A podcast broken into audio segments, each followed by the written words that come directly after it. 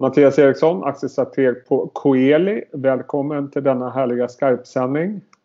Tack, tack. Torsdag, torsdag eftermläge. Du, vi har en hel del att prata om du och jag. Jag tänkte att vi skulle börja med ett par av dagens rapporter. Jag tänkte börja med Humana. Och eh, vill gärna, aktien reagerar positivt på dagens rapport. Den har gått ganska svagt i år, får man väl ändå säga. Eh, hur har de klarat sig igenom det här med Corona och eh, hur ser rapporten ut? Ja, men förvånansvärt eh, bra måste man säga. Eh, så de växer 4% organiskt, sen förvärv uppe på det, alltså bra tillväxt. Och sen ökar de vinsten med 28% Så de klarar det här väldigt bra. Sen får, ja. Ja. Varför har aktien gått så svagt? För det känns ju ändå som ett hyggligt defensivt spel.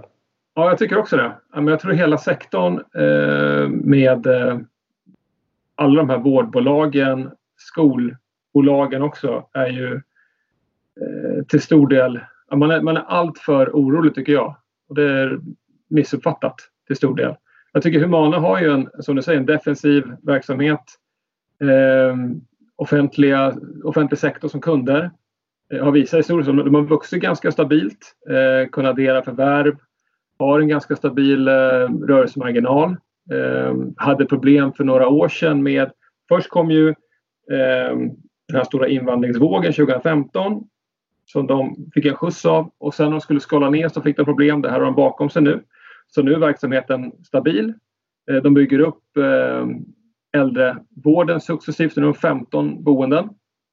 Eh, och det skulle jämföras med, jag tror att Tendo har 700 olika verksamheter varav de flesta är äldreboenden. De är ju en liten spelare i Mana men bygger upp sakta men säkert äldre, äldrevården och gör det bra.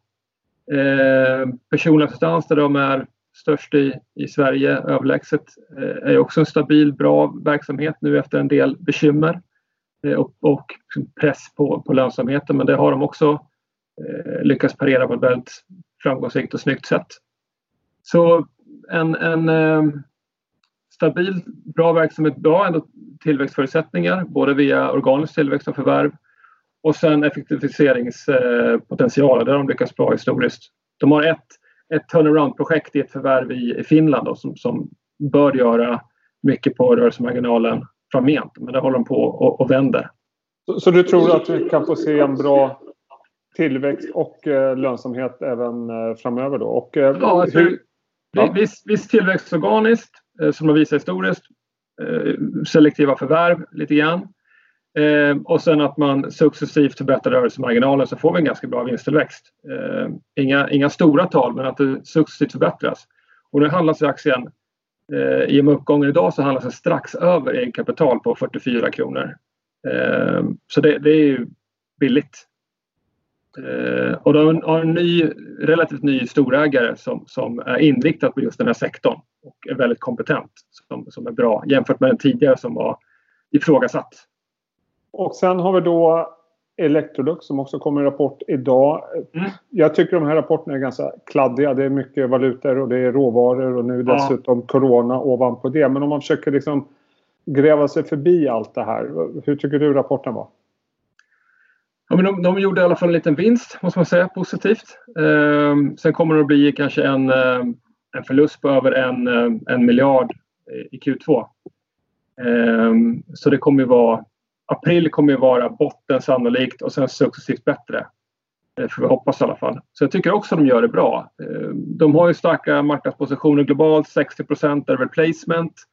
Går kylskåpet sönder så köper du ett nytt. Går diskmaskinen sönder så köper du förmodligen en ny. Om tvättmaskinen går sönder köper du definitivt en ny. Så eh, det är klart att man behöver deras produkter. Och de har satsat mer och mer på produktutveckling. Nu är det väl 3-3,5 av, av omsättningen. Starka där. Ehm, så jag tycker att det finns... Eh, jag gillar Electrolux. Ehm, och nu har ju värderingen kommit ner enormt mycket. Mycket mer än för andra liknande bolag.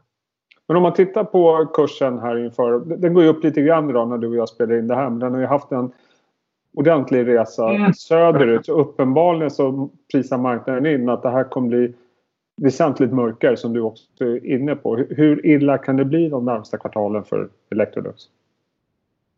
Jag tror inte... En, säg, det blir över en miljard i förlust i Q2. Mm. Det är ju inte, det är inte roligt.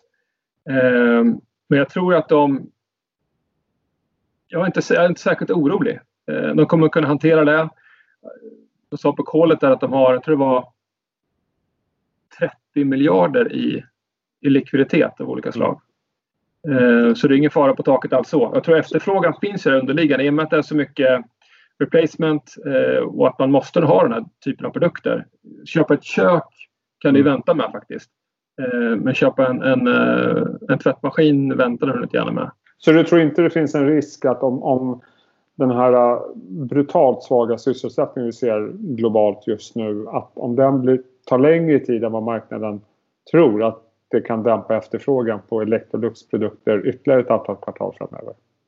Jo, ja, men de kommer påverka precis som alla andra bolag naturligtvis.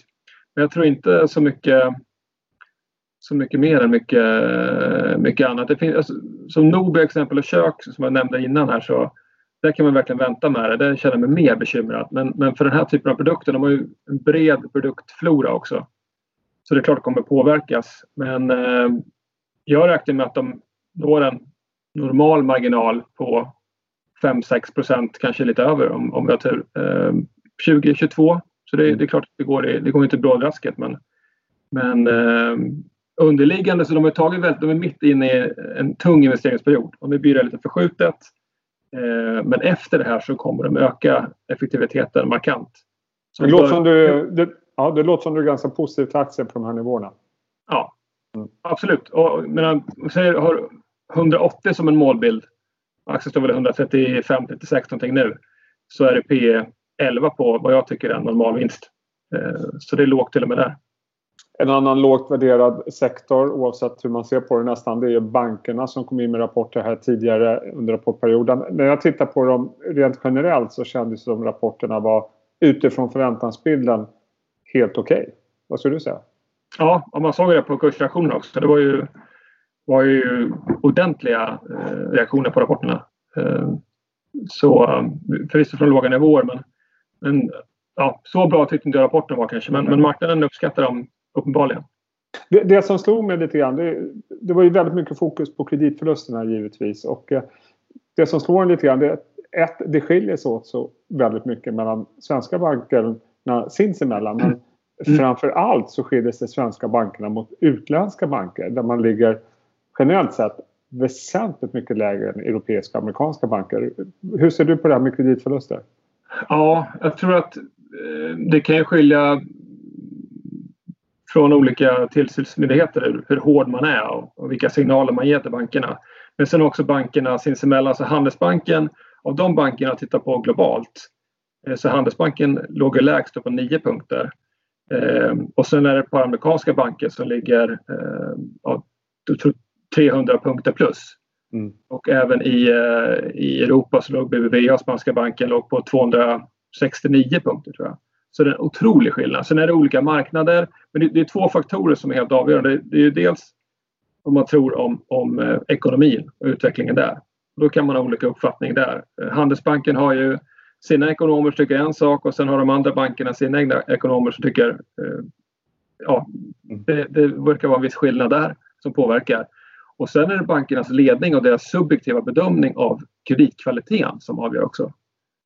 Hur ser, hur, hur ser du annars på värderingen på bankerna rent generellt? Det är en sektor som har kommit ner ordentligt. Den följer innan det här med pandemin. Mm. Men svenska bankerna har klarat sig relativt bättre men fortfarande väldigt, väldigt svagt får man väl ändå säga. Hur, hur ser ja, du på värderingen?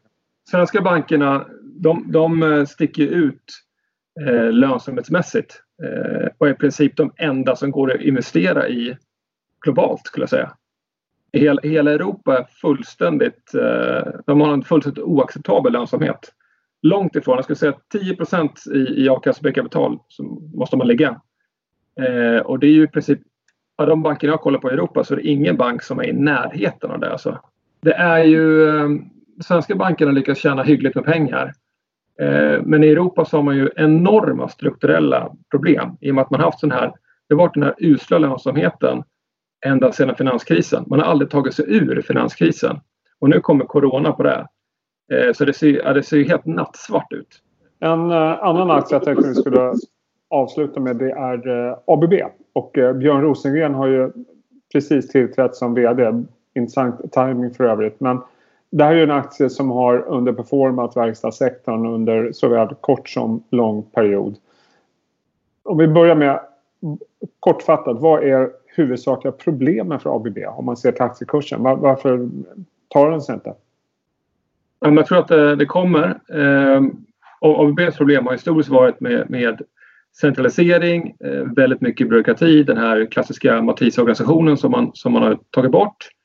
Ehm, så det handlar mycket om för Björn Rosengren att göra det han gjorde på Wärtsilä och Sandvik, att, att eh, decentralisera, lägga ut ansvar, att, att folkorganisationen känner ett tydligt ansvar för det, för det de gör, att de måste prestera och avbyråkratisera. Ehm, så det har han ju levererat på eh, tidigare ehm, och det tror jag han kan exekvera även på ett bra sätt på ABB. För ABB i, i grund och botten är ju ett väldigt bra bolag som jag ser det. Otrolig kompetens. Eh, starka trender i ryggen med eh, automatiseringen, robotiseringen, digitaliseringen, elektrifieringen och så vidare. Så de lever ju på, på verkligen starka trender. Utan det har ju varit eh, interna problem i bolaget. Att det varit väldigt trögrörligt eh, och ineffektivt. Men, men du så tror att, hoppas jag att han kan ändra på. Du tror Björn Rosengren är rätt man för att eh, förändra och eh, ge aktien lite bättre avkastning? Ja, jag, har gott hopp. Och det han har sagt i intervjun nu, eh, han har väl varit där i ett par månader bara tror jag, men ja. det är helt rätt saker på hur man ska skapa värde. Så han, eh, han, han, vet uppenbarligen hur man ska göra. Och sen är det en annan sak att, att exekvera i praktiken, men eh, eh det tror jag att han har han har helt rätt erfarenhet för att göra det i alla fall. Ja, vi håller tummarna för det. Eh, Mattias Eriksson, tusen tack för att du tog dig tid den här torsdags eftermiddagen. Sköt om dig. Detsamma. Tack. Hej.